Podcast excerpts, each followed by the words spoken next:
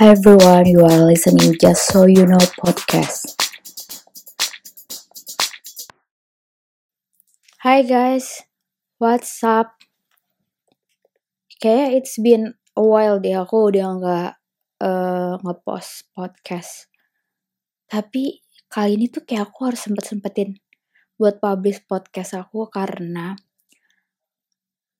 aku interest banget mau ngebahas tentang Emily Dickinson. Udah pada nonton ini nggak? Uh, TV series Dickinson nya Apple TV itu gila sih bagus banget. Bagus banget bener-bener kayak uh, blown my mind lah pokoknya intinya tuh kayak gitu.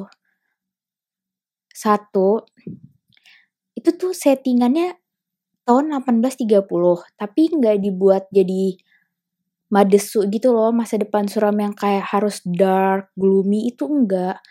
Jadi digambarkan dengan pencahayaan yang terang banget, warna yang colorful, elegan, tapi warm.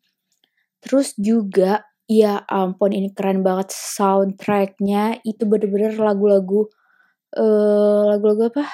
Rap hip hop yang kekinian terus ada yang kayak malaikat of death-nya itu I think he is Wiz Khalifa atau siapa deh pokoknya intinya he is a rapper. Aku tahu rapper ya, rapper. Tuh gila sih keren banget sih intinya. Yang meranin jadi Emily Dickinson itu kan si Hailey Stanfield. Terus menurut aku dia bagus meraninnya, bagus banget. Kalau yang aku coba googling itu kan Emily Dickinson nih emang sebenarnya cinta banget sama ini puisi, cinta banget. Dan dia tuh pengen banget jadi uh, apa poetry gitu kayak jadi penyair. Tapi tapi nggak nggak dibolehin sama orang tuanya. Especially bapaknya sih nggak ngebolehin. Jadi itu si bapaknya Emily nggak menyetujui kalau Emily jadi poetry karena mungkin menurut beliau perempuan itu should not have be a pro progressive. Jadi dia di situ kelihatan banget gimana bapaknya ngebedain akses education buat abangnya dan dia. Jadi anak cowok sama cewek itu sangat-sangat dibedakan. Dan kelihatan banget yang kuliah pada tahun 1830-an itu emang semuanya cowok, nggak ada yang cewek. Cewek itu lebih cenderung harus di rumah, di dapur bantuin ibu. Gitu mindsetnya pada saat 1830. Nah, Emily ini kan salah satu hmm, aku bilangnya dia bukan wanita sih karena dia masih muda banget pada saat itu. Salah satu mungkin yang adult sekali ya, yang cukup progresif karena dia mencoba untuk untuk mendobrak uh, obstacle yang ada, tapi emang selalu uh, akhirnya dia akan terlibat dalam trouble di keluarganya. Saking dia pengen banget puisinya itu publish di koran, itu kayak dia sampai minta tolong abangnya buat ini buat ngaku kalau abangnya yang nulis puisi itu supaya bisa bisa ikutan lomba puisi. Karena bapak itu bener-bener nggak setuju kalau anak cewek menyuarakan isi pikirannya dan didengar oleh seluruh dunia. Ibaratnya kayak gitu dia nggak mau.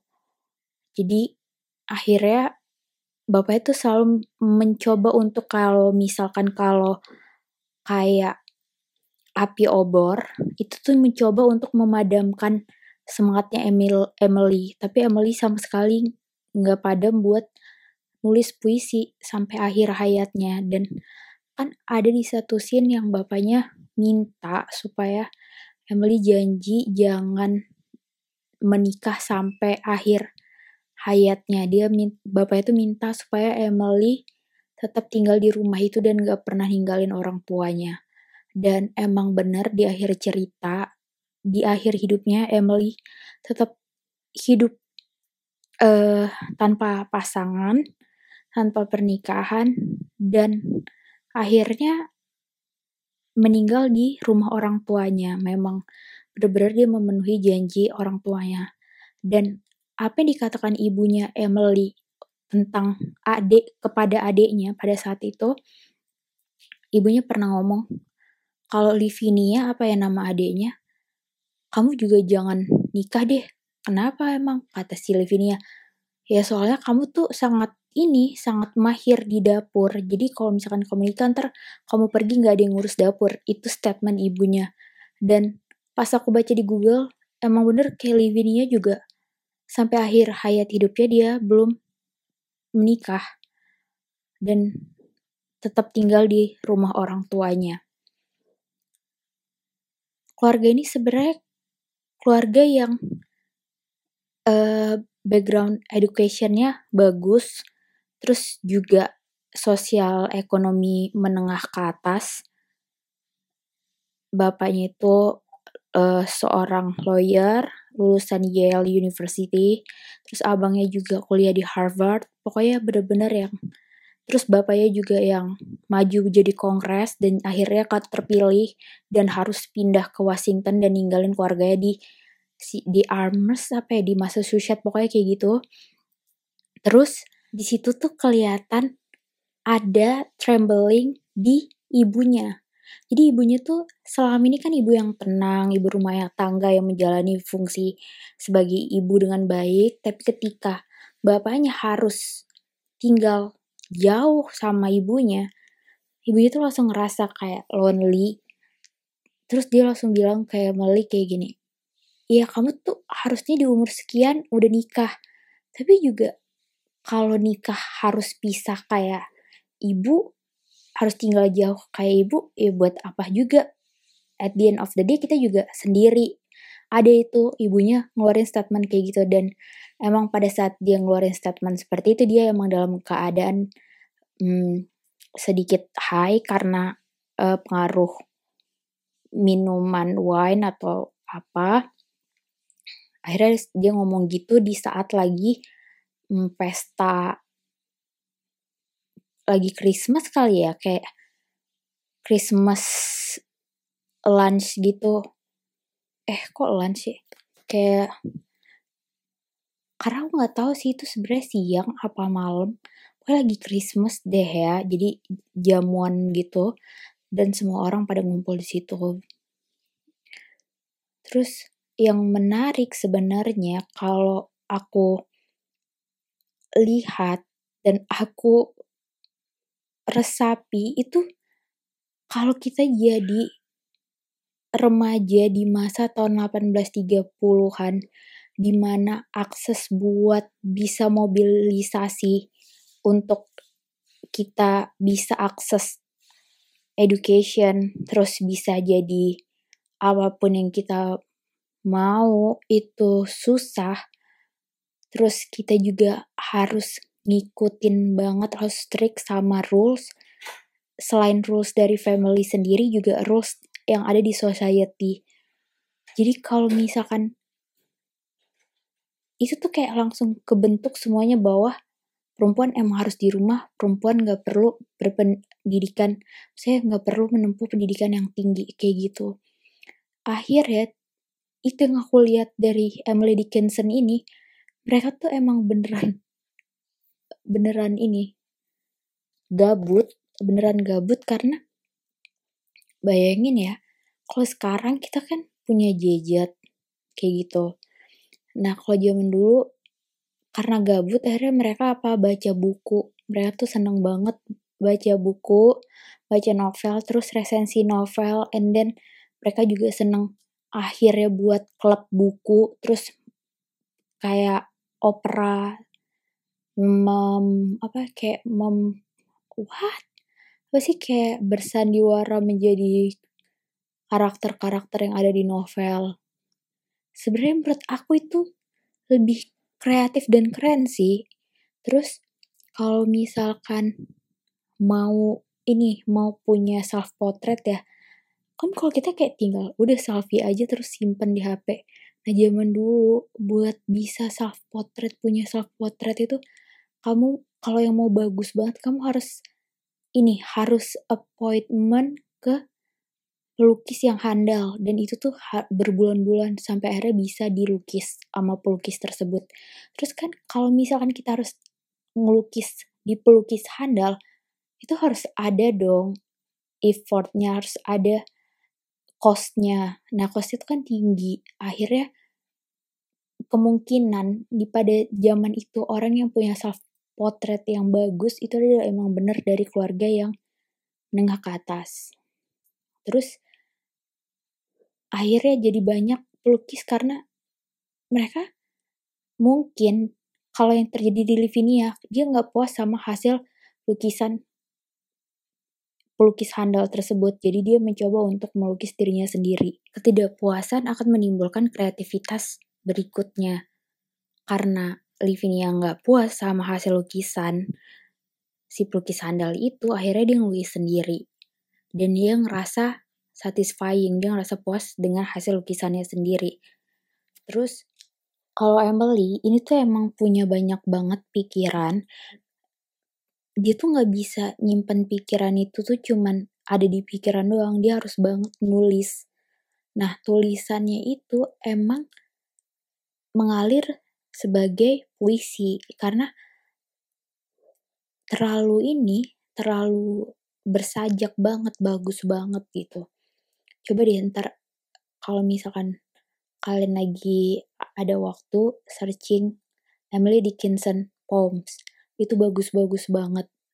Dan emang di situ dimention kalau Emily tuh sering banget ngomongin soal death sering banget dan di puisinya dia kayak ma kayak dia mention multiple times kayaknya. Dan di TV seriesnya itu tuh dibuatlah kayak uh, visualisasi si dates-nya ini nih. Ada kereta kuda beserta malaikat penyambut nyawa gitu. Dan itu tuh Wiz Khalifa. Itu bener-bener kayak hah? Kayak mind blowing dan kayak out of the box deh kayak hah menurut aku tuh aku nggak tahu ya apa aku pernah nonton TV series sebelumnya yang kayak gini tapi kan kebanyakan TV series yang hmm, settingannya tahun 1830-an ya akan seperti TV series 1830-an.